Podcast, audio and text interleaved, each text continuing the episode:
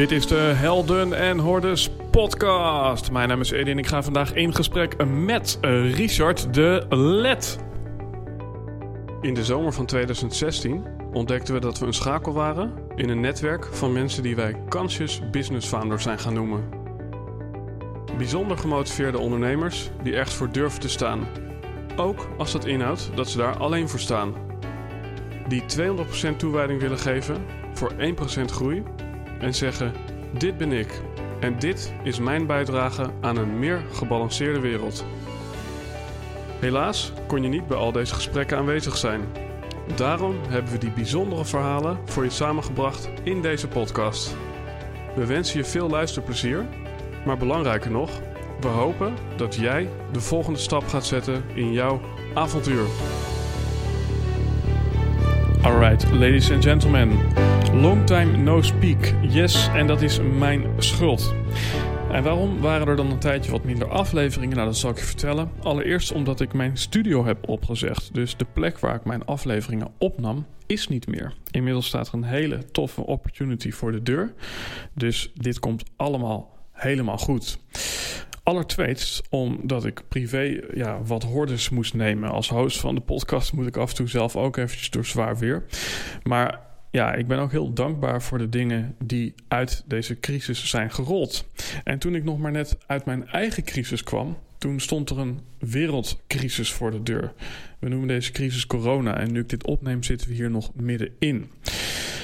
En toen bleek dat de aflevering met Richard de Let nog niet gepubliceerd was. En dat mag geen toeval heten, want hoe toepasselijk is het om juist nu deze aflevering te publiceren waarin Richard ingaat op holistische geneeswijze om jou te laten zien hoe niet alleen je voeding, maar ook je huwelijk en ook je ademhaling en ook je levensmissie en ja, eigenlijk alles wat je in het leven tot je krijgt bijdraagt aan jouw kwaliteit van leven of juist afbreuk pleegt op jouw kwaliteit van leven.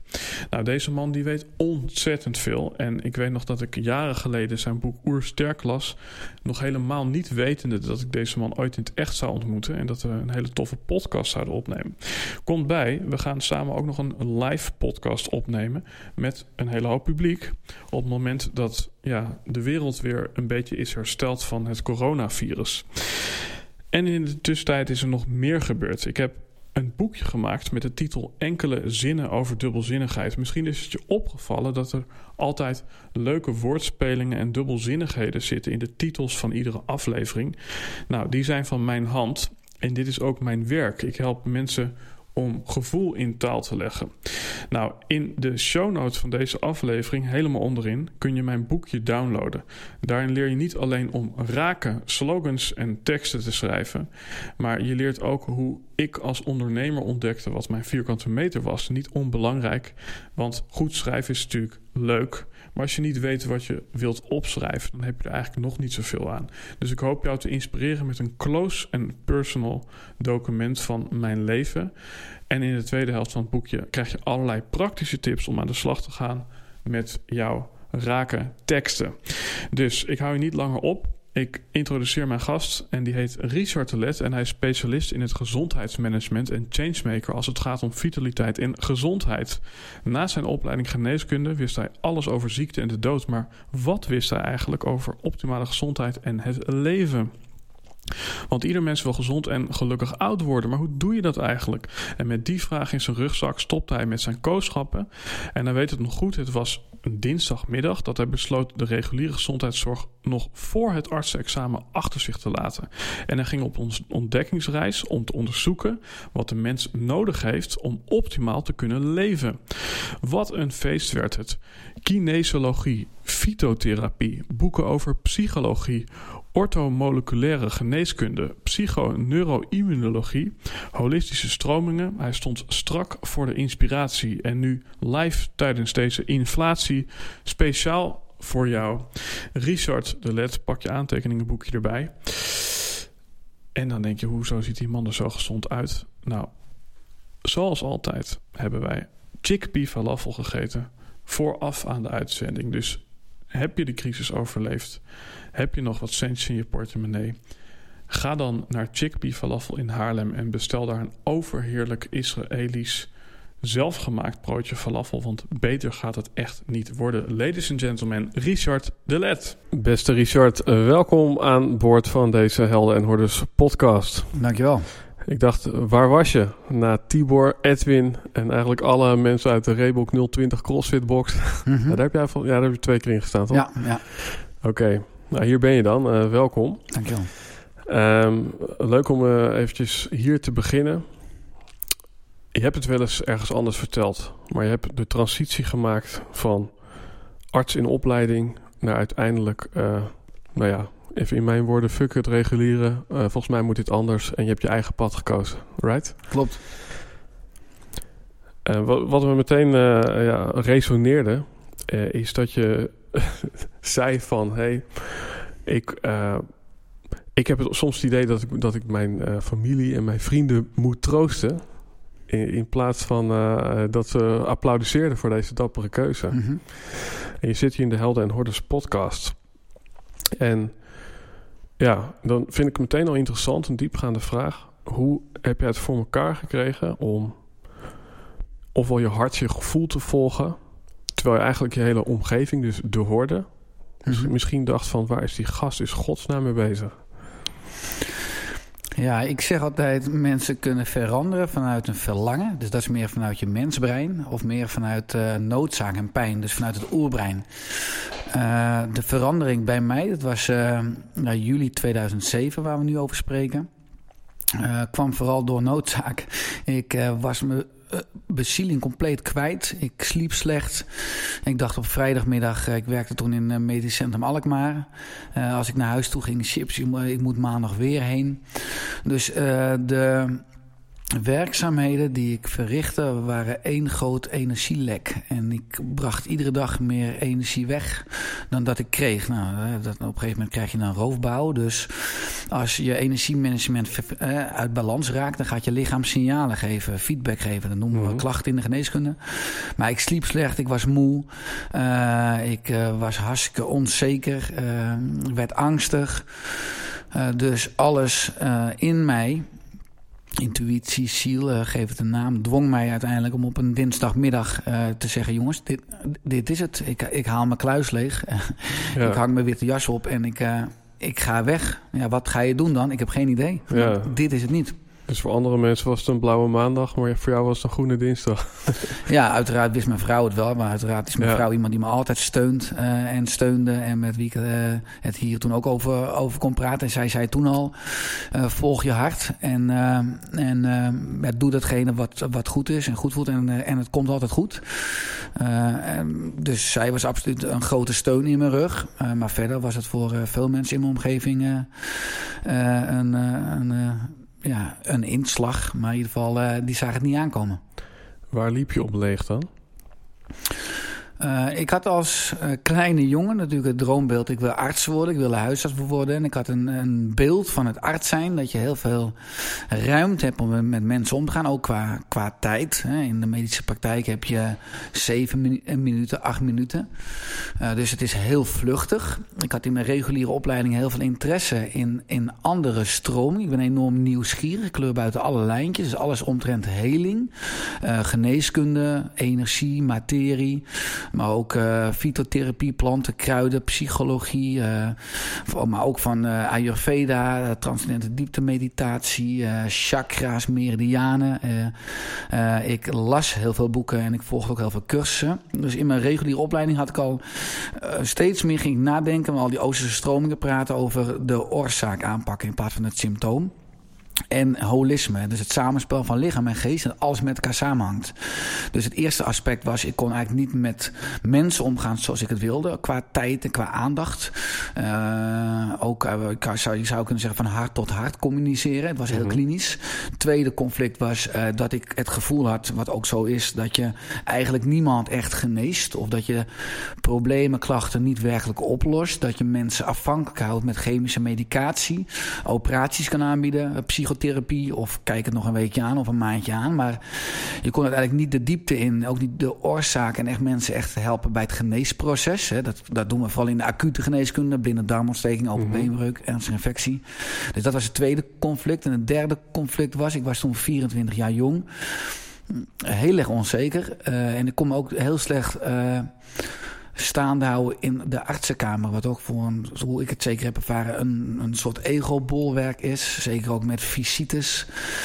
De professoren lopen vooraan en dan, en dan de, de doktoren en dan de arts. Um, assistenten. En dan, nou, tenminste, uh, ik liep pas aan het einde dan als je dan net komt hmm. kijken en stage loopt op de verschillende medische afdelingen. En ik kon daar enorm uh, slecht mee omgaan. Dus ik, het is ook wel eerlijk om te erkennen dat ik cognitief nog niet rijp was om ook te, te, te zeggen van uh, Richard, dit duurt anderhalf, twee jaar. Je moet je even doorheen. Mm. Bijt af en toe op je tong. Ik was ook ja, in die zin te eigenwijs dat ik ook vaak bij visites begon over homeopathie bijvoorbeeld. Uh, nou, moest ik op de gang gaan staan om even over na te gaan denken wat ik net zei. Tot uh, als een vrouw een pancreatitis had, uh, dus een ontsteking van de alvleesklier, door overmatig alcoholgebruik, door een slecht huwelijk. Dan was ik geneigd om te zeggen: moeten we ook niet kijken naar het huwelijk en het totaalplaatje, naar, het, mm naar, naar, de hele film van haar leven. Want uiteindelijk is die infuuszak die we aanhangen een quick fix, maar dat gaat niet mm een revolutie, een oplossing geven op lange termijn. Nou, dat kon natuurlijk ook niet goed opgelost worden in het systeem. Dus ik mhm. was voor een groot deel ook uh, mijn eigen horde. Door, door uh, de illusie die ik had dat ik het systeem wel kon veranderen. Uh, en daar ook heel veel energie in stak. En natuurlijk continu daarop leegliep. Ja. Ja, wat ik mooi vind, ik heb ook met Ralf Moorman hier aan tafel gezeten van de Hormoonfactor. Mhm. En hij heeft dus ooit ook gepoogd om het supermarktwezen te veranderen met zijn eigen producten.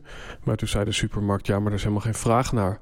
Toen dacht ik, ja, er zit er maar één ding op. Eerst het bewustzijn van de burger verhogen. Van uh, dit voedsel is niet goed voor je. En vervolgens met al die burgers naar de supermarkt stappen. Om vervolgens, ja, dus eigenlijk via een omweg uh, alsnog uh, ja, het wezen te beïnvloeden. Ja. Is dat iets wat jou nu wel lukt? Uh, uh, dus toen had je misschien die transformatiekracht nog niet. Maar is het nu zo dat je wel die transformatiekracht hebt? Ja, wat mij betreft is de revolutie nu in volle gang. En ik denk dat die revolutie inderdaad niet van bovenaf komt. Politiek, industrie, bedrijfsleven, ziekte is een fantastische markt. in mijn optiek hebben we een voedingscentrum. Uh, waar de belangen misschien niet allemaal altijd even neutraal zijn of onafhankelijk. Maar we hebben eigenlijk zeker een gebrek aan een onafhankelijk leefstijlcentrum. Waar kan je nou vinden? Waar kan je nou op zoek gaan naar de juiste antwoorden op vragen van wat heeft mijn lichaam nodig aan de juiste leefstijl? Maar ook qua mindset, mhm. qua sociale verbinding. Eigenlijk bestaat echte preventie. Ik ben een voorstander van preventie en leefstijl natuurlijk in het basisonderwijs. Ja. En daar bieden we niets aan. Dus met Oersterk kan ik nu al maandelijks honderdduizenden mensen bereiken. En ik geloof in de revolutie van onderaf. Dat probeer ik ook met hoe sterk. En het lukt heel goed. Uh, om mensen de juiste kennis te geven. Mensen een simpel, praktisch systeem te geven. Uh, dat je ook zaken kunt meten. Qua energie en vitaliteit. Of stemming of slaap. Of libido. Of buikomvang. Of stoelgang. Ja, dat, dat probeer ik. Of nou, dat, dat probeer dat bied ik nu inmiddels op een hele ja, laagdrempelige. en ook humoristische en praktische manier aan. Ja. Ik wil nog één stapje met je teruggaan. Uh, twee woorden. En dat is eentje spiritualiteit. en, mhm. het andere is holisme. En dan vraag ik me zo af. Hè, en dan zei je eigenlijk dat ik spakenliep was op mijn 24ste, als ik het goed heb. Uh, of toen maakte je een andere keuze. Dus daarvoor al, en dan ben je eigenlijk nog een jonge knul. Ja, is er dus iets in jou wat dus op zoek is naar een holistische benadering. Maar ook iets wat op zoek is naar de Oosterse, meer spirituele benadering. Vanuit waar komt dat? Komt dat vanuit Richard of komt dat vanuit de opvoeding van Richard? Of heeft Richard iets meegemaakt waardoor hij een bepaalde interesse kreeg voor een, eh, een bredere blik? Mhm. Ja, ik denk dat het tweeledig is. Ik denk zeker vanuit mijn opvoeding uh, gingen we iedere zondag naar de dienst doen. Uh, en ja, niet christelijk, maar was een, het apostolisch genootschap.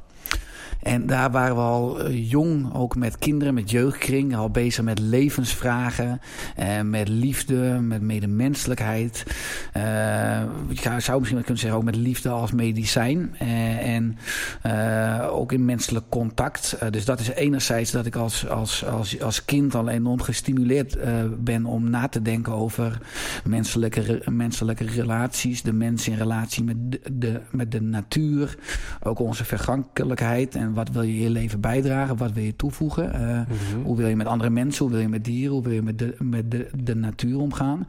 En anderzijds, denk ik bij heel veel therapeuten of artsen, is datgene wat je wordt of uiteindelijk doet, is denk ik ook vooral om antwoorden te krijgen voor jezelf.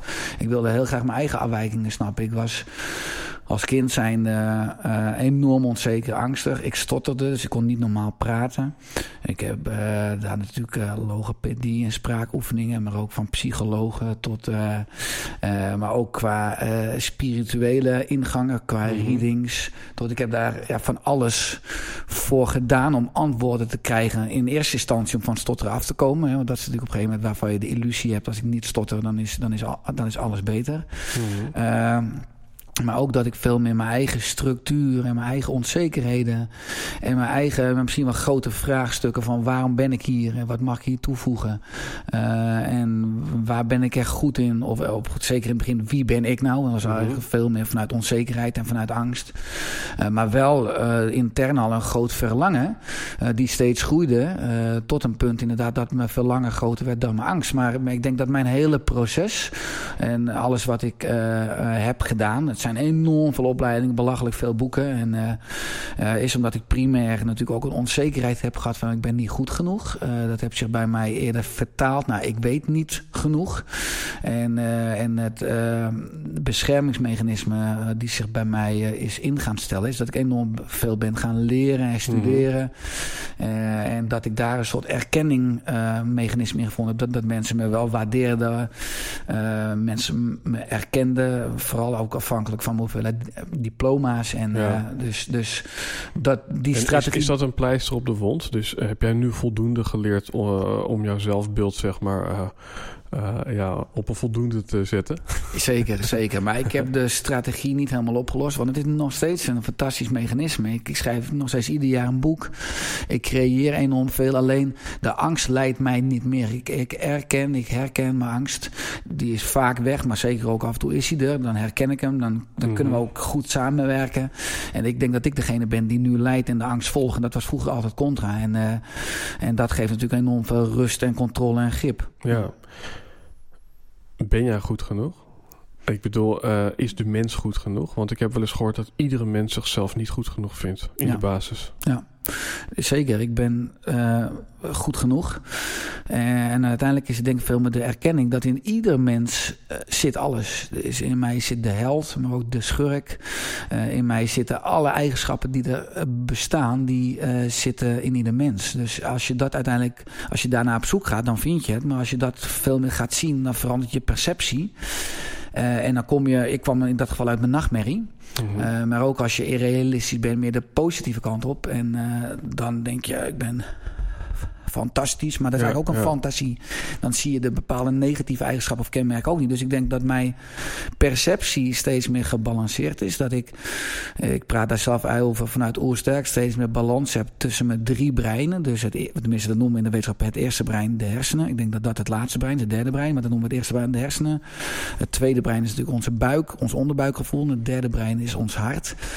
Uh, die als eerste klopt trouwens al in de foetus, al voordat we een, een, een brein hebben en voordat oh, wow. we darmen hebben. Dus uiteindelijk als je dan weer luistert naar je... Ja, je mag vaker naar je hart luisteren.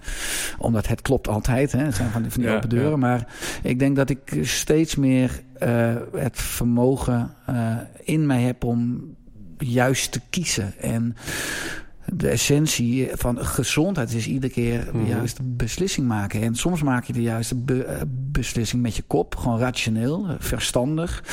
Maar vaak maak je hem ook met je, met je hart of met je onderbuik. Ja. Uh, ja, en, en, en dat durf ik steeds meer. Ik denk dat iedereen het wel weet, maar het heeft ja. veel meer te maken met durven. Ja, Mooi. Een, een ander ding uh, ja, in deze hele mooie uh, uh, ja, beschrijving tot nu toe is dat je het hebt over jouw stottergedrag.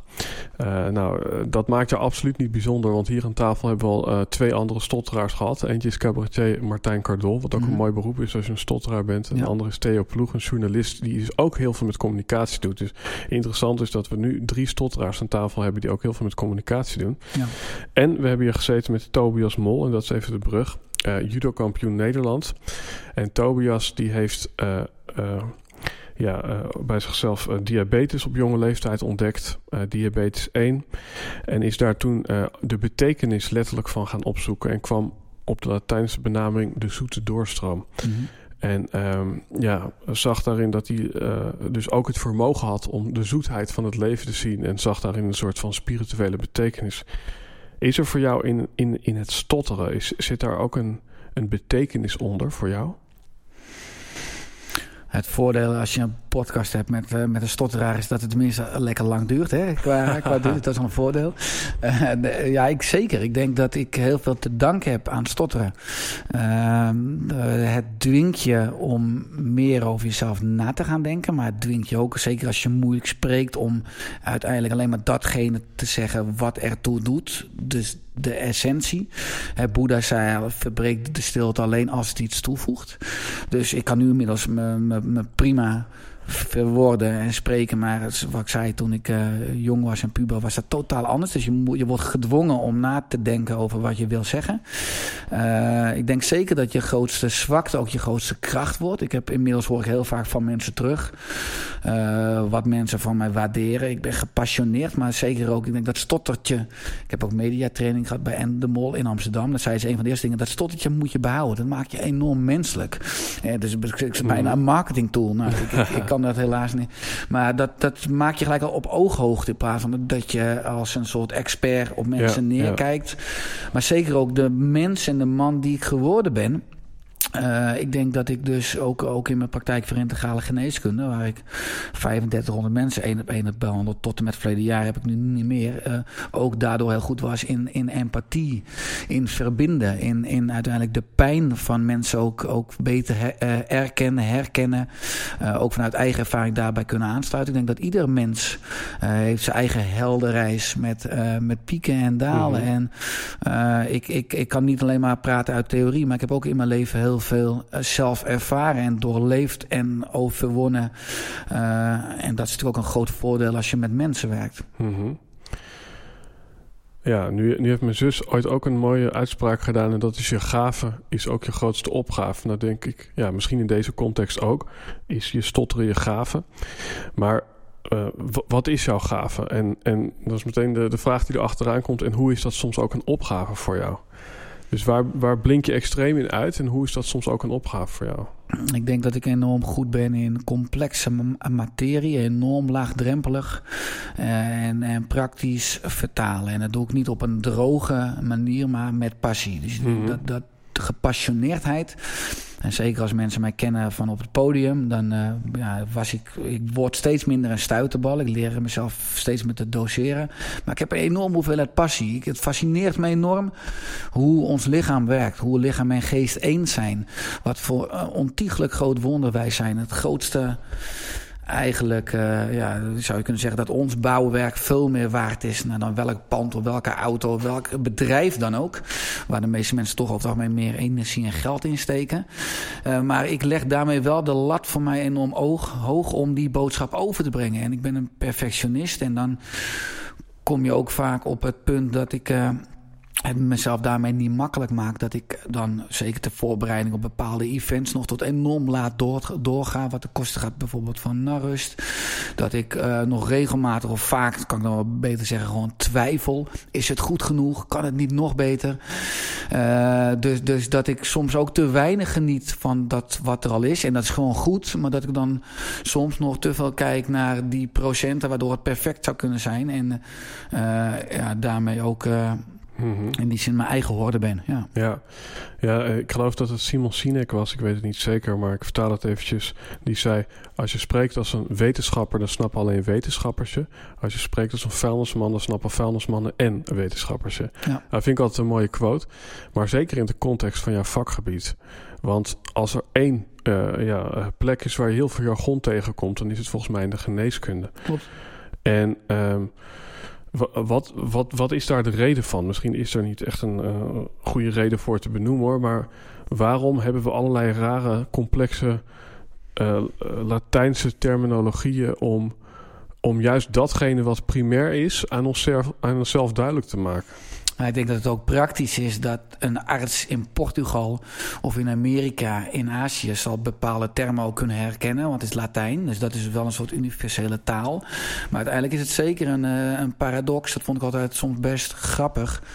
Uh, op een uh, cynische manier. Dat als je in de artsenkamer bent en uh, je praat met twee artsen over een persoon die erbij zit. Dan is het net voor die persoon alsof je een andere taal spreekt. Letterlijk. alsof je ja. Chinees praat. Terwijl. Ja uh, terwijl dat vaak ook een kloof is. Omdat dat is in mijn optiek het medische bastion is een soort eiland. En dat slaagt er niet goed in om, uh, ook via een mechanisme dat heet deep learning... als je iemand echt goed uitlegt wat er uit balans is, hoe het ontstaan is... als het goed is, ziet iemand zelf al aanknopingspunten om het weer op te lossen. Ja.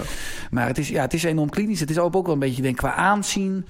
Qua bijvoorbeeld als, als artsen visite lopen... dan is het in veel ziekenhuizen, zeker bij oude artsen... nog steeds gebruikelijk dat mensen in het bed liggen. Want een arts moet op de patiënt neerkijken. En als patiënten staan, zeker nu mensen steeds langer worden... en patiënten zijn langer dan artsen... zeker artsen van de oude garde, die hebben daar een bloedhekel aan... want dan kijkt de patiënt op de arts neer en dat is niet hoe het hoort hè, in de oude geneeskundeleiding. Je, als je arts hoor je op de patiënt neer te kijken. Dus ook heel erg hiërarchisch. Ja. Uh, ja, en het oude bolwerk is natuurlijk wel steeds meer aan het afbrokkelen. Ik denk dat ik, ja, nogmaals, ik heb wat problemen met het systeem. Maar binnen het systeem werken enorm veel individuen. Ik heb ook nog veel vrienden die arts zijn, een mm geneeskundeopleiding, die met hart en ziel werken. Maar je werkt wel binnen de grenzen van het systeem. En dat ja. leidde bij mij tot enorm veel conflict met mijn principes en mens zijn. En daarom besloot ik om daar zelf een preventief systeem naast te gaan bouwen. Ja. Maar het is dus ontstaan enerzijds vanuit praktische redenen. Maar ook gewoon omdat, ja, nogmaals, vroeger hadden mensen een kamer in, in een huis voor de zwarte jas. Hè, als de kerk. Uh, dat was vroeger het heiligdom. Nou, dat is steeds meer vervangen door de witte jas. Hè. Het is enorm grappig als een arts iets zegt. Dat mensen geconditioneerd zijn om dat zonder twijfel aan te gaan nemen. Wat enorm eng is. Want heel veel artsen doen slechte suggesties. Uh, en die begrijpen weinig van de body-mind interactie. Uh, dus ik heb heel erg het no placebo-effect. Dat als je zegt van nou, u hebt 50% kans om dood te gaan. Ja, dat is een enorme negatieve inslag. Terwijl kan je veel beter zeggen, u hebt 50% kans dat u gaat overleven. En dat gaan we alles aan doen samen. Nou, dan zet je de, een heel ander deel van het zenuwstelsel aan. Dan heb je een heel andere kans op genezing en heling. Ja. Uh, dus, dus ik denk dat, ja, dat we zitten nu in een fantastische transitie. De tijdsgeest is op een fantastische manier aan het ontkiemen. En er verandert heel veel, ook in het medische bastion. En uh, het interessante is nu bijvoorbeeld ook met Koekel... dat je soms antwoorden sneller vindt. Of mensen zoeken ook natuurlijk dokter Koekel. Uh, maar ik denk dat de geneeskunde aankomende 20 jaar radicaal moet veranderen. Sowieso omdat de huidige weg nu doodloopt. Letterlijk. Ja. Ja, inderdaad, letterlijk ja. Ik heb zelf ooit een vergelijking getrokken tussen een gevangenis en een ziekenhuis. Uh, en toen heb ik dat met iemand over gehad. En die zegt, ja, er is alleen één verschil. Dat in een gevangenis meer aandacht is voor persoonlijke begeleiding. Ja. ik denk, ja, ja, dat is wel heel triest eigenlijk. Mm -hmm. Er zijn natuurlijk veel overeenkomsten. En ik denk vooral het, het onpersoonlijke misschien wel. Uh, een, een, witte kamer, iemand zit misschien aan het einde van zijn leven. En waar is dan die hele authenticiteit van die persoon gebleven? Dat, dat vind ik zelf altijd eigenlijk vrij triest. En zo rollen we dus ook uh, naar het onderwerp uh, per persoonlijk. Ik heb je ooit horen zeggen de medische wereld persoonlijk maken. Mm -hmm. Wat bedoel je daar precies mee? Nou, ik ben een groot voorstander van de persoonsgebonden geneeskunde. Dus ik ben ook opgeleid vanuit protocollen. En vanuit protocol maakt het niet uit of je 50 kilo weegt of 120, of je man of vrouw bent, of je voor de overgang bent of erna. Dus uh, daarmee uh, doe je eigenlijk schade aan het, bijna het unieke grondprincipe dat iedereen uniek is. En natuurlijk zijn er binnen de Homo sapiens, de mens, onze soort natuurlijk, uh, uh, gemeenschappelijke fysiologische principes in onze stofwisseling. Uh, maar zeker als je een behandelplan maakt, dan wil je altijd aansluiten op de persoon. Dan wil je, uiteindelijk wil ik een totaalplaatje hebben van iemands leven. Mm-hmm. Wat vindt iemand belangrijk? Waar ligt zijn passie? Wat maakt iemand gelukkig? Hoe is het sociale leven? Hoe is het seksuele leven? Hoe is het financiële leven? hoe is de leefstijl? hoe is het spirituele leven? Van, vanuit al die gebieden. Als het lichaam op die gebieden niet krijgt wat het zoekt, dan gaat het signalen geven, feedback. Mhm. Dus een klacht is eigenlijk uh, ja, nooit het probleem. Maar het is een deur naar een, uh, naar een oplossing. Wat, wat ik enorm breed aanvlieg. Uh, en ik denk dat, dat je iedere klacht pas echt goed kan behandelen, oplossen, genezen. Mhm. Als je inplucht in de persoon, in zijn of haar geheugen, uh, in zijn uh, of haar persoonlijk zelfherstellend vermogen. Want een arts kan niemand genezen. Uiteindelijk geneest iemand zichzelf altijd. Die kan het zelfherstellend vermogen stimuleren, zodat het, uh, het systeem zichzelf weer kan helen, kan, mm -hmm. kan heel maken, kan genezen, dingen kan oplossen. en in de geneeskunde werken we natuurlijk heel erg vanuit een protocol, heel erg farmaceutisch onderbouwd, mm -hmm. met chemische middelen die processen of enzymen blokkeren die mensen afhankelijk houden. Vaak moet je medicijn je hele leven slikken. Maar dat houdt je weg van de oplossing. En het tegendeel, je blokkeert vaak ook het zelfherstellend vermogen. Nu ben ik niet tegen medicijnen, maar gebruik ze het liefst zo kort mogelijk. En pak in de tussentijd uh, de verstoorde werkingsmechanismen aan en pak de oorzaak aan. En ik vraag me dus altijd af, wat is de oorzaak van de oorzaak van de oorzaak? En in de geneeskunde behandelen we iedereen alsof ze schoenmaat 42 hebben. En daarmee ga je voortdoor. En ik denk dat mensen zich daardoor ook niet gezien voelen, gehoord voelen. Je bent soms letterlijk een nummertje, je bent een, een dossiernummer, je, je, je, je, valt in een protocol. Uh, en ik denk dat daar een enorm conflict zit, omdat mensen daardoor niet diep kunnen ontspannen en zich gehoord voelen wat bijdraagt aan social ja. oplossen. Nou ja, ik, ik vind dat heel interessant om het even close en personal te maken. Heb ik dus last van hypochondrie. Mm. En daar heb ik op een gegeven moment ook begeleiding in gezocht. Ik denk, nou, ik ga er gewoon eens over praten hoe dat nou allemaal zit. Uh, als je het dan toch hebt over de oorzaak van de oorzaak, was ik 13 en toen had ik een, een neuspoliep. En toen werd er hardop uh, in mijn bijzijn door de arts met de andere arts besproken. Nou, voor zo'n kleine jongen, zo'n grote poliep, dat moet haast wel een tumor zijn en uh, waarschijnlijk een kwaadaardige. Mm -hmm. dachten dat ik het niet gehoord had mm -hmm. en was, nou, we zien je over twee weken en dan gaan we je moeder even bellen. Ja. Nou, sindsdien ben, lag ik er ergens af. Mm -hmm. um, en was het ook nog zo dat mijn moeder zei... de dokter wil je liever alleen zelf even spreken. Mm -hmm. Ja, had ze niet kwaad bedoeld, maar zo kwam het even, kwam het even door. En toen kreeg ik dus te horen dat het gewoon goed was. Ja.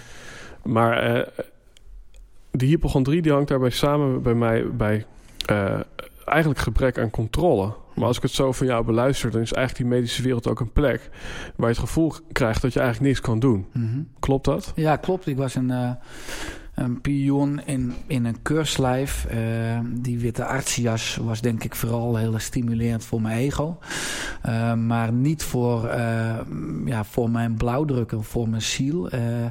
het gaf absoluut geen voldoening op de lange termijn. En dan hou je denk ik niet vol. En ja, dat voorbeeld wat je schetst is schrijnend. En ik denk dat artsen enorm de kracht van communicatie... en van, ja, ik zeg altijd, wees voorzichtig met je, met je handen, maar ook met je woorden...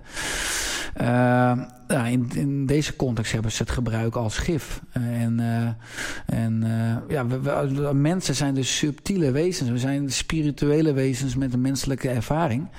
En ik denk dat dat, dat ook weer dat holisme, een woord wat je net, net ook gebruikt, mm -hmm. dat, dat, totale mens zijn nog veel meer in de geneeskunde omarmd mag worden. Want in mijn optiek doe je daarmee echt oprecht, sluit je dan pas aan bij, bij het totale mens zijn. Mm -hmm. Is er sprake van minder of meer hypochondrie bij mensen die zich begeven in de medische wereld?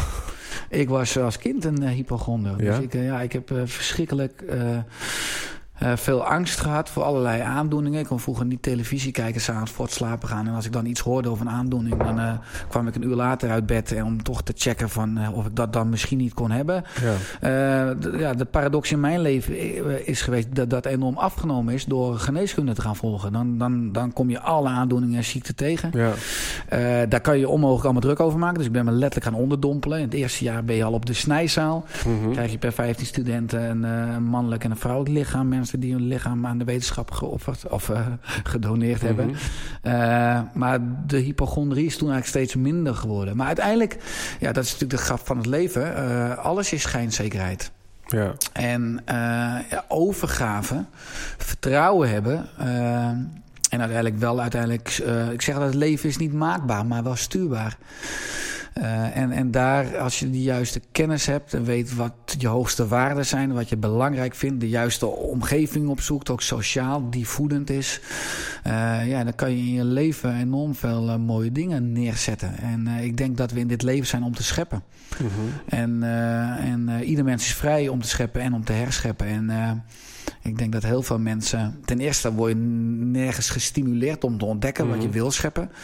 Maar ten tweede ook dat we een maatschappij hebben. Als je wil, kan je de hele dag reactief leven. Door alle prikkels die op je afkomen. Zowel van je smartphone als de televisie tot je vriendenkring, noem het maar op. En Mhm. dat, het ook, dat er moed voor nodig is om uh, uiteindelijk proactief een leiding te gaan nemen over je leven en je levenskoers. Want ik denk dat het makkelijker is als je altijd nog op andere systemen leunt. Of het nou een arts is buiten je of, een, of gewoon de maatschappij en cultuur, dat je de verantwoordelijkheid ook buiten je kan plaatsen als het fout gaat. En als je zelf leiding neemt, dan ben je ook zelf verantwoordelijk. En uh, uiteindelijk denk ik nooit in schuld, want normaal is het leven is niet maakbaar, maar wel stuurbaar. Maar uh, ja, ik, uh, ik droom groot en ik werk klein. En ik vind het echt magisch om te zien afgelopen jaren wat je als mens kan scheppen. En, en, en ja, hoe groot impact dat kan hebben. En waar ik mezelf veel meer een doorgeefluik voel. Een boodschapper van een boodschap die Mhm. veel belangrijk is. Het gaat veel minder om mij dan mijn boodschap is veel belangrijker. Maar uiteindelijk kan je, kan je wel zo'n medium zijn. Ja. Uh, ja, was, was hypochondrie bij jou een product van ik ben niet goed genoeg, denk je? Of zou je dat niet kunnen stellen? Ja, misschien wel vanuit uh, de twijfel die. Dat, uh, dat je op een gegeven moment in essentie aan alles kan twijfelen. En dat geeft natuurlijk ook een soort uh, bezorgdheid. En nou, laag daaronder kom je natuurlijk bij angst. en ja, ik denk dat een basale angst natuurlijk is de angst om dood te gaan. En als je daar natuurlijk controle op wil uitoefenen of grip op wil hebben, dan wil je natuurlijk ook alles voorkomen wat je dood zou kunnen maken. In dit, Ja. in dit perspectief ziekte en klachten. En, uh, Ja, ik geloof dat er twee typen hypochonders zijn. Eén die gaat altijd naar de dokter en één die durft niet te komen. ja, dat Dus, klopt. Dat klopt. Ja. Ja. dat klopt. En dat is echt ook uitdagend toen ik stage liep bij huisartsen. Sommige patiënten zie je vijf uur in de week.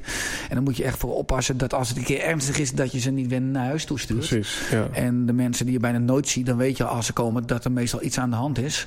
Maar dat klopt inderdaad. Maar uiteindelijk vraag ik me dan weer af, wat is de oorzaak van de, de oorzaak? Het, de, het, het mechanisme heeft altijd een voordeel op de korte termijn. Zeker als je het ontwikkelt in de tijd, vaak als kind zijnde, uh, waarop je het ontwikkeld hebt. Maar op de lange termijn wordt het meestal een nadeel en blokkeert het uh, autonomie, vrijheid, verbondenheid en persoonlijke ontwikkeling. En dan is het weer een uitdaging om uiteindelijk balans te krijgen in die, uh, ja, in die, in die traumatische ervaring. Uh, om uiteindelijk je perceptie te veranderen. Want eigenlijk het enige, enige wat, ver, wat veranderbaar is, is het verleden. Heel veel Mhm. mensen denken, nee, de, de toekomst, nee joh, die creëer je nog. En, maar en het heden is het resultaat eigenlijk van je verleden. Alle, alle keuzes die je Ja, hebt mooi, gemaakt. mooi, mooi. Ja. Net eh, kwam het woord scheppingskracht eh, meerdere malen voorbij. Uh, beaam ik enorm. Ik zie ook van deze podcast slogan is voor makers, creators en world shakers. Nou, dat is volgens mij alle Mhm. drie een, een, scheppingsgerelateerd woord. Mhm. Hoe verhoudt schepping zich tot rust?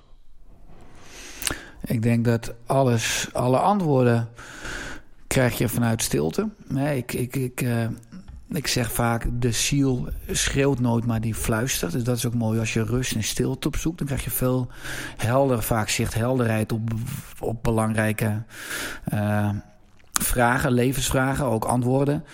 Uh, en uiteindelijk is rust. Uh, kijk, uiteindelijk is de natuur is balans. Dus te veel inspanning maakt ziek en te veel ontspanning maakt ook ziek. Je moet een balans hebben in je agenda tussen rust en of inspanning en ontspanning, kan je zeggen. En ook in je mind tussen steun en uitdaging. Uh, want beide kanten triggeren een apart deel van het zenuwstelsel. Het autonoom de, de sympathicus wordt meer aangezet bij uitdaging, mentaal, maar ook bij inspanning. En een parasympathicus meer bij, bij steun en bij ontspanning. En uiteindelijk is de levenskunst, ook als je kijkt naar stress. Stress is niet slecht. Iedere cel heeft een bepaalde mate van stress nodig om te kunnen leven en te kunnen overleven. En zeker ook voor vitaliteit. Acute stress, dat is ook wat ik uh, veel mensen handvatten voor geef. Van koud douchen tot een maaltijd overslaan. Tot 500 gram groente per dag eten. Tot meditatie, tot visualisatie. Tot uh, nou, een heleboel leefstijl interventies. Uh, dat zijn allemaal acute, stre acute stressoren. Dat, die activeren vitagenen. Daar worden we uh, vitale van, energieke van, creatieve van. Maar chronische stress breekt alles af. En, uh, en dat geeft dus continu onrust. Dus rust mm. is fantastisch. maar af en toe onrust is ook fantastisch. Niets is goed of slecht. Het gaat altijd om balans. Ja. En je mag in je leven een balans hebben tussen rust. En ik denk dat heel veel mensen dus te veel onrust hebben. En daardoor uit balans raken. Uh, maar ook onrust. Ik denk dat de balans uiteindelijk vitaal is. Zit er bij jou nog ergens een disbalans? Zeker. Ja, ik denk dat uh, het 100% balans een utopie is. Uh, en dat is denk ik ook gewoon altijd brandstof om weer uiteindelijk uh, verder te gaan optimaliseren. Mijn aandachtspunt blijft mijn ontspannen patroon. Ik heb denk ik mijn voedingspatroon enorm op de rit, mijn beweegpatroon, mijn zitpatroon, mijn denkpatroon, mijn slaappatroon. Maar uh, ik ben toch nog wel te veel altijd bezig. Uh, ik heb inmiddels uh, zes mensen in dienst, dus ik ben betrokken bij diverse projecten. Dus ik, ik ben uiteindelijk, dat is ook een slechte grap, een slaaf van mijn eigen agenda, omdat ik eigen baas ben. Maar ontspannen, voldoende, dus echt voldoende lummelen. Uh, dat, dat blijft een aandachtspunt. Omdat ik toch vaak zie dat mijn agenda te vol loopt. Ja. ja. En is dat ontspannen moeilijk voor jou vanuit toch nog steeds een oude angst voor als ik nu niet bijleer, dan ben ik misschien niet goed genoeg? Of is het juist vanuit verlangen van als ik nu meer bijleer dan, of bijcreëer, dan kan ik de wereld veranderen? Nee, ik zou heel mooi vanuit mijn mensbrein uh, je tweede volle kunnen antwoorden. Maar het is nog, denk nog meer uh, het eerste. Ja, vanuit mijn oerbrein. Een soort onrust, een soort angst, een soort, een soort bewijsdrang. En nog steeds dan een zoektocht naar erkenning dat ik er mag zijn. Uh, ik doorzie hem wel, maar ik weet dat hij er is. En ik denk dat dat uiteindelijk ja, nog, nog krachtiger is dan uiteindelijk mijn creatiesvermogen om de wereld uh, een, uh, een vitalere en gebalanceerdere en een betere plek te ja. maken. Maar ik denk, ja, de uh, eerlijkheid resoneert antwoord 1. Ja, ja, ja, zeker. Want ik heb wel eens gehoord verkennen, erkennen, of nee, herkennen, erkennen. Zoiets was het. Mm -hmm, ja. verkennen, verkennen. oh ja, herkennen, erkennen. Mm. Um, is het daar, als je dat rijtje erop nahoudt, hè, dan zeg je dus uiteindelijk van oké, ik, uh, ik onderzoek, vervolgens uh, ja, herken ik, ah, dat is weer datzelfde oude gedrag. Vervolgens erkennen. Oké, ik probeer er even mee te zijn. this is me right now. misschien later is het anders, maar nu is het zo. Is dat voldoende? Met andere woorden, is bewustzijn voldoende om te veranderen als mens? Of is weten dat je een bepaald patroon hebt onvoldoende om die verandering in gang te zetten. Met andere woorden, moet je daar ook nog heel erg naar handelen of niet? Ja, ik denk dat bewustzijn uh, één schakeltje is. Dus eigenlijk heb je het over een stimulus-respons. Dus uiteindelijk. Uh, en daar zit altijd een, een, ruimte tussen. En in die ruimte uh, ligt vrijheid. Uh, dat onderscheidt ons ook van beesten. Dat vermogen hebben we ons met de prefrontale cortex, ons mensbrein. En ik denk in die ruimte, dus je krijgt een stimulus, je wil reflexmatig al iets doen. Dat kan je dus uh, erkennen of ook al herkennen. Uh, dan is bewustzijn stap 1 dat je je gewaar wordt van hé, hey, ik wil weer dus, uh, op, op, op een standaard manier reageren. Of het nou verbaal is of in je gedrag, of vechten of vluchten. Uh, dan hebben we een vrije wil. Dan kunnen we even met onze vrije wil. Stap 2 ervoor kiezen om even niet te doen. Uh, dan hebben we stap 3 een creatief voorstellingsvermogen. Dat kan alle opties hoe, hoe we kunnen reageren, daar een rijtje van maken. En dat zit in onze. In onze doen we veel meer met ons mensbrein kunnen zeggen. Maar de keuze maken doen we uiteindelijk de stap de vierde met het geweten. En dat is ook veel meer vanuit het emotionele brein. En uh, ja, als mens zijn we eigenlijk een unieke diersoort. Waardoor we eigenlijk regie kunnen krijgen over onze output, over onze instincten. We kunnen onze instincten uh, eigenlijk overroelen. Door vanuit ons mensbrein, dat ik vind het mooiste woord van het mensbrein, beheersing. Uh, een dusdanig antwoord te formuleren of te creëren in het gedrag of in mijn woorden.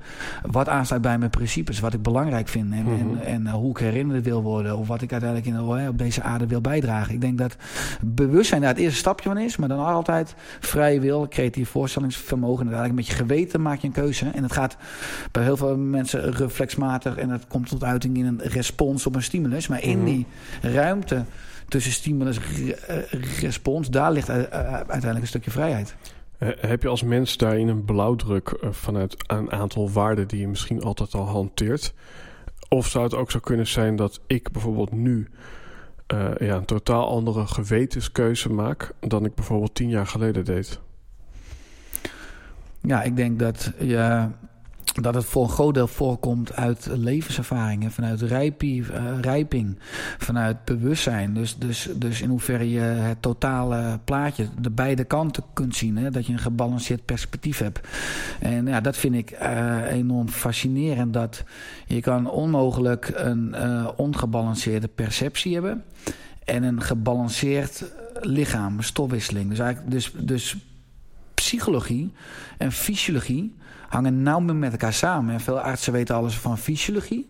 Dus puur van vlees en bloed. Alleen heel veel uh, verstoringen in de stofwisseling komen voort uit verstoringen, onbalans in de, in de psychologie.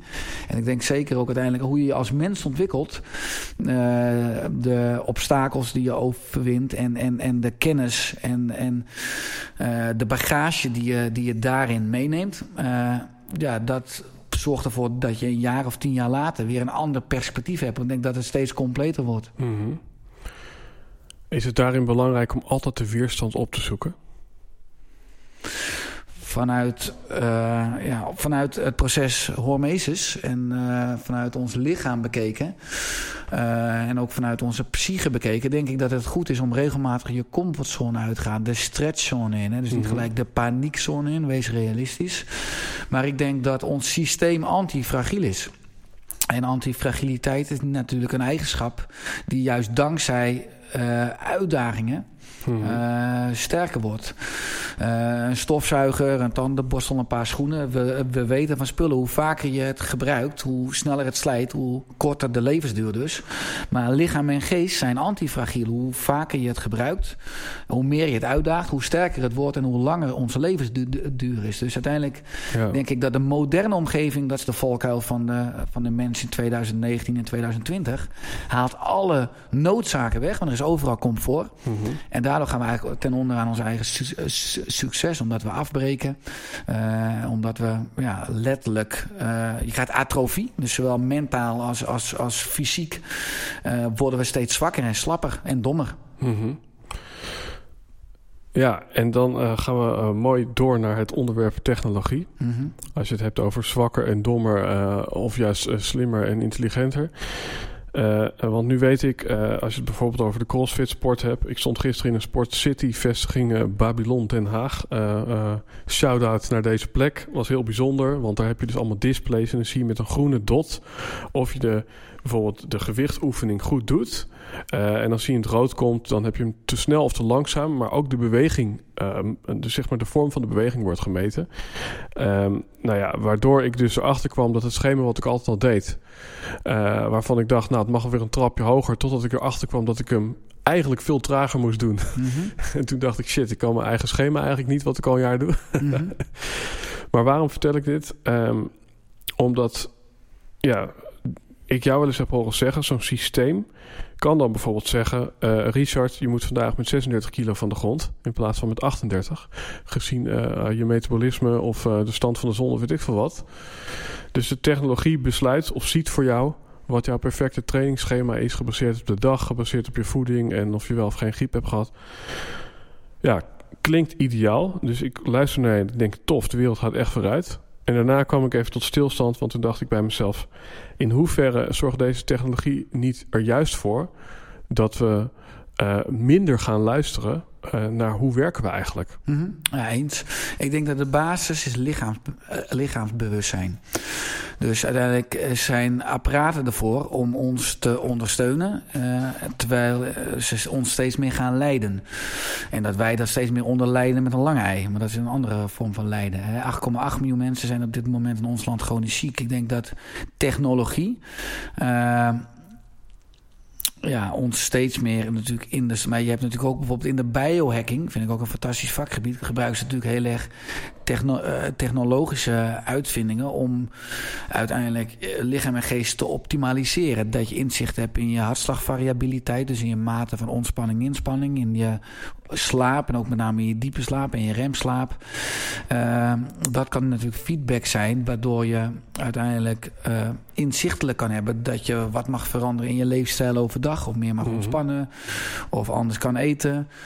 Uh, maar ik, ik, ik, ik nou, ik gruwel is misschien wat overdreven. Maar ik denk dat we door kunnen schieten in een maatschappij waar we alles technologisch meten. Dat mensen uiteindelijk steeds meer verwilderd raken van hun eigen navigatiesysteem en hun uh -huh. eigen, eigen kompas. Want als je naar je lichaam luistert, uh, dan geeft je lichaam perfect aan of het de juiste tijd is voor yoga uh, of crossfit. Ja. Of uh, om naar bed te gaan. Of om nog uh, een goed boek te gaan lezen. Of om maaltijd A of maaltijd B te eten. Het lichaam geeft alle antwoorden. Alleen we raken -huh. steeds meer vervreemd van die antwoorden. Omdat we te veel in ons hoofd leven. En door technologie ook veel meer richting de zintuigen getrokken worden. En uit ons lichaam kunnen leven. Dus ik denk, het draait hier ook weer om balans. Ik denk dat de oermensen moord zou doen om één dag in 2020 te kunnen leven. Uh, want nogmaals, we hebben bijna geen noodzaken meer. Uh, en we zijn evolutionair eigenlijk gehardwired. Een soort evolutionaire erfenis op, nou in ieder geval op, op schaarste en op comfort. En die instincten die ons altijd geholpen hebben, die altijd voordelig waren, die keren zich nu tegen ons. En, en techniek, uh, om een voorbeeld te geven, bijvoorbeeld een iPhone. Uh, is fantastisch, uh, maar het zorgt wel voor radicale toename, uh, toename van ontstekingsziektes. je hoeft geen telefoonnummers meer uit je hoofd te weten. Je hoeft niet meer te weten als je naar Rotterdam rijdt of naar Limburg of naar Groningen hoe je precies moet rijden. Want je zet je navigatie aan op je iPhone en je kan het volgen.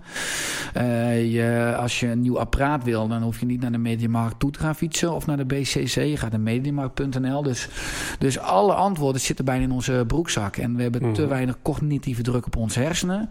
Onze hersenen strijden altijd met het immuunsysteem om energie. Dus uiteindelijk als je de energie niet naar je brein trekt... dan gaat het automatisch meer naar je immuunsysteem. Mhm. Dat raakt op een gegeven moment overactief. Dat leidt tot laaggradige, on, uh, laaggradige ontstekingen.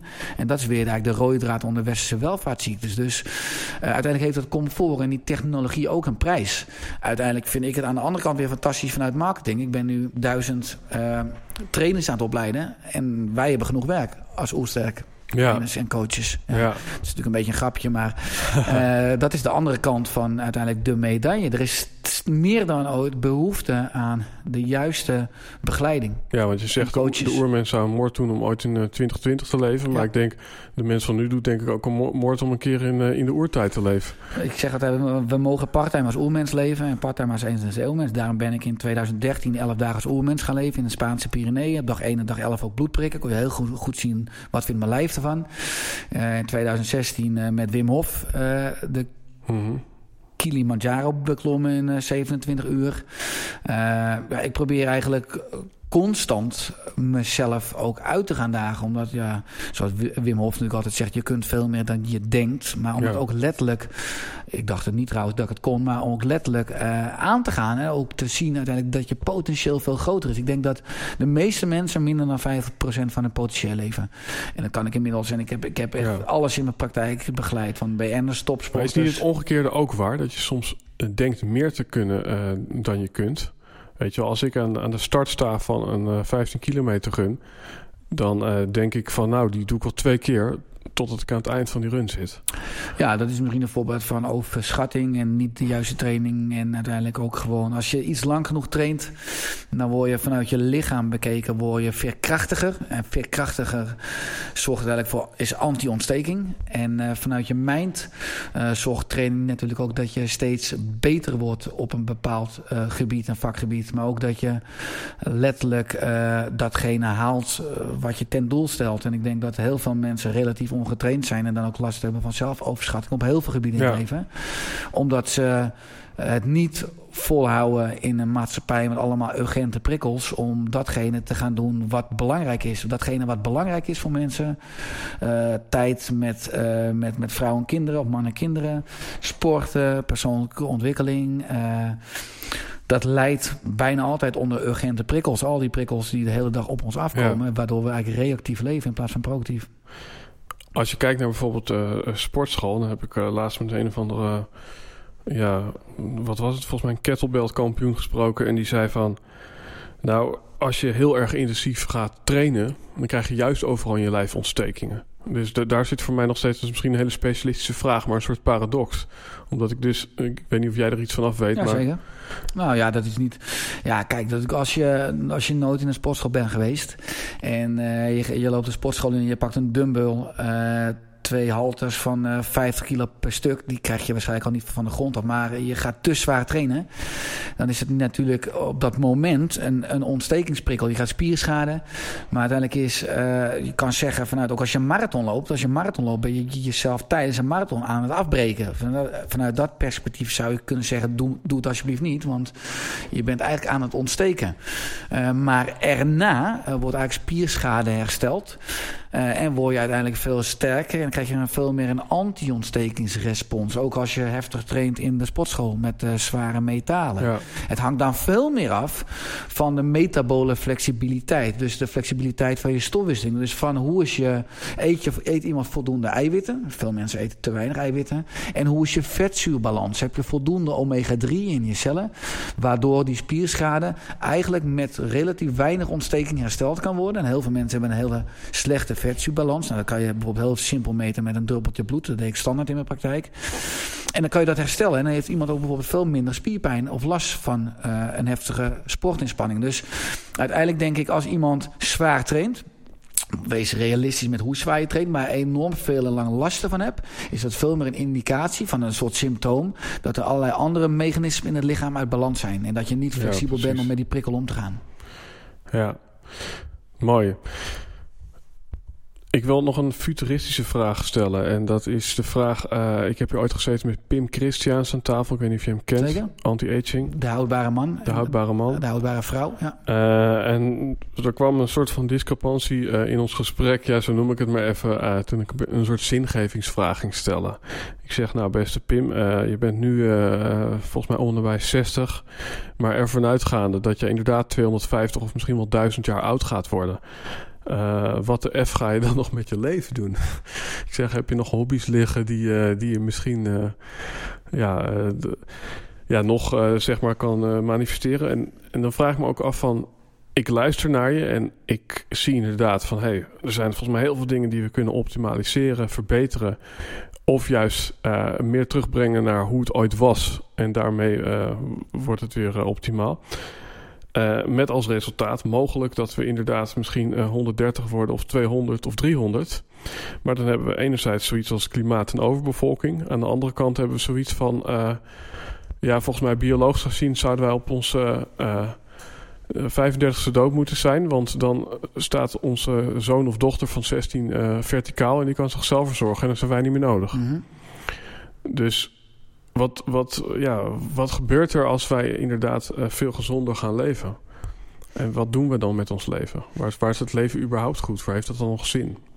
Ja, dat zijn uh, mooie, zinvolle vragen achter elkaar. Ik denk, mijn interesse ligt niet bij de kwantiteit van leven, hoe oud mensen worden. Het is prikkelend dat in, nu in de moderne maatschappij een vrouw gemiddeld chronisch ziek wordt bij 42, 42 jaar en een man bij 48. Dus we hebben zo'n 40 ziektejaren met medicijnen, artsbezoeken, operatieziekenhuizen.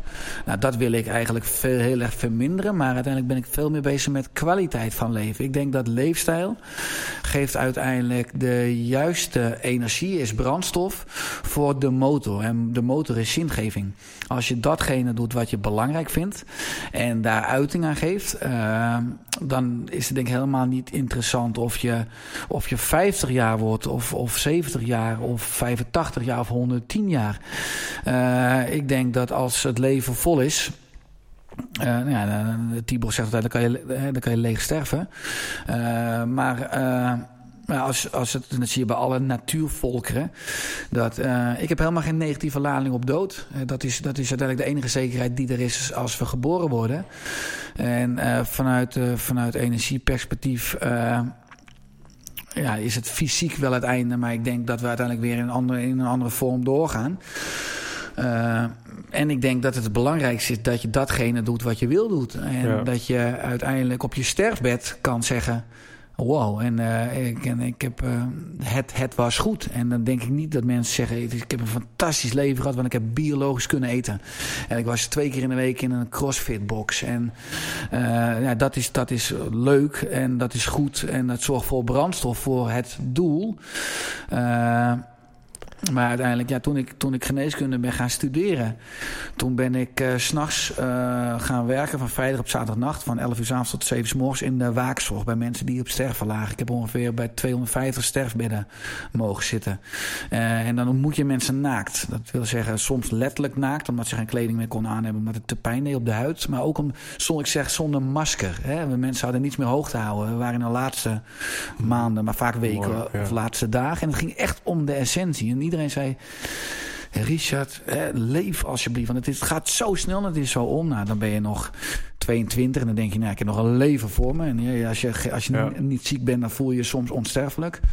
Maar ik ben wel door die mensen ook toen al heel erg gaan nadenken over essentie en waar het nou echt om draait. En ik denk in het moderne leven ook omdat de focus heel, erg is op spullen en op, op de maatschappelijke normen. 2,1 kinderen hebben en twee auto's en drie keer per jaar op vakantie gaan.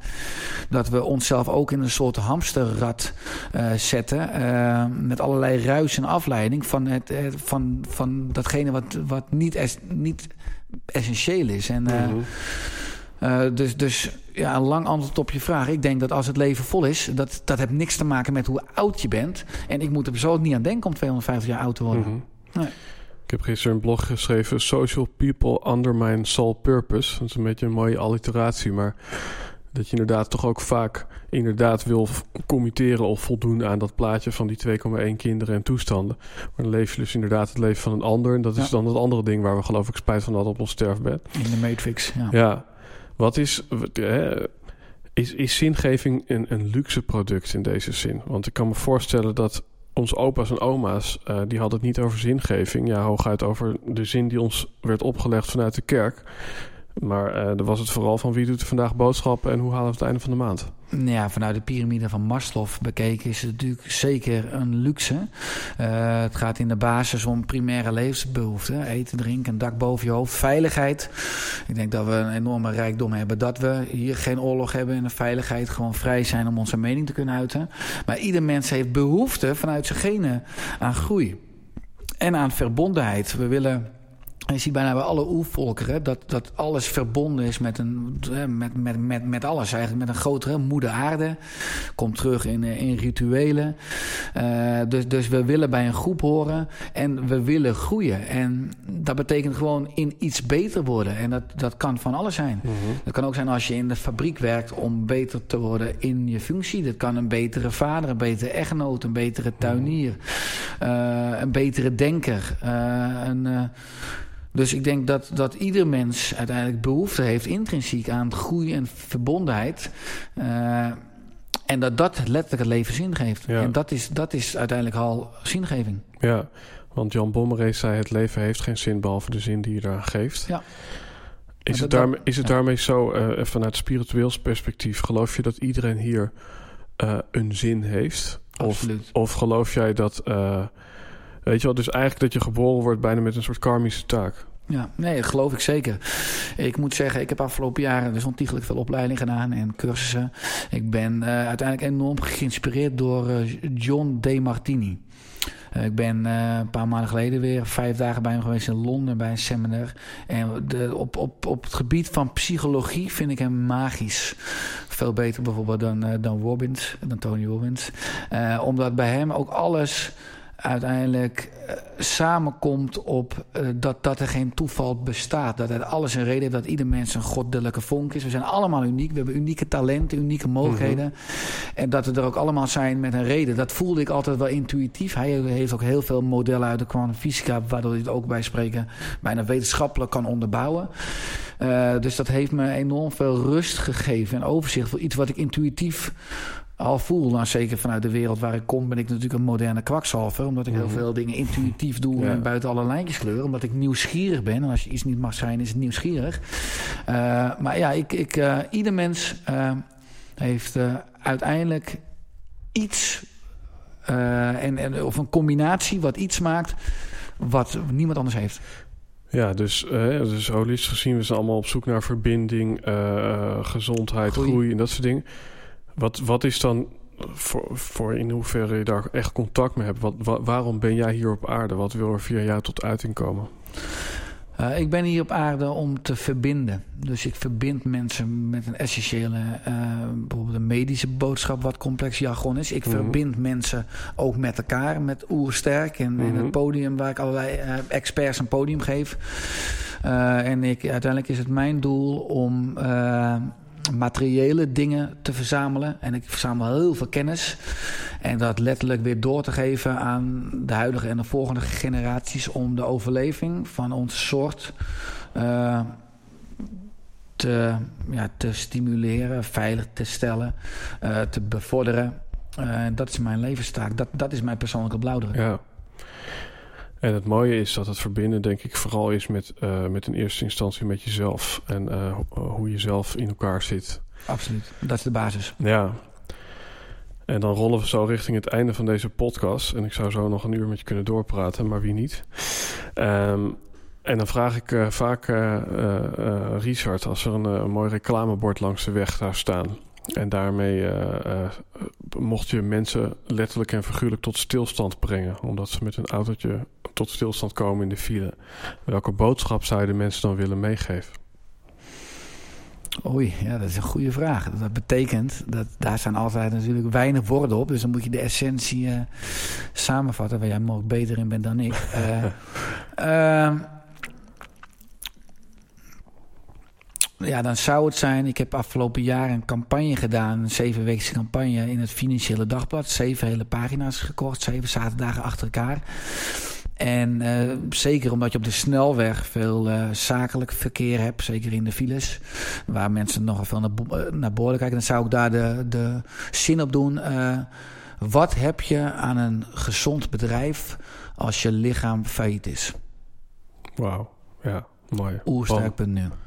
Ja, super tof. Of eigenlijk super confronterend. hey, um, ja, uh, rest me to say, uh, we hebben net lekker gegeten bij Chickpea Falafel. Ik noem ze altijd eventjes. Uh, lekkere veganistische hap. Dank. Werkt ook verbindend. Werkt ook verbindend, zoiets. liefde gaat door de maag. Mm -hmm. um, is er één plek in het bijzonder uh, uh, ervan uitgaan dat deze niet vandaag, maar over een aantal weken online staat waar je de luisteraar naartoe wil zou, uh, willen sturen? Ja, mijn platform, mijn website www.oerstijk.nu. Dat is een, uh, eigenlijk een uh, centrale plaats waar mensen geïnspireerd kunnen worden door uh, onze blogs, recepten, onze podcast, maar ook natuurlijk al onze diensten en onze opleiding. Als mensen echt zelf van een leider willen worden in het gezondheidslandschap en uiteindelijk veel meer willen, willen werken met enthousiasme en ja, een passie. Tof. Yes, en uh, voor de luisteraar die hierover wil meepraten, hashtag Helden en Hordes op Instagram, Twitter en Facebook.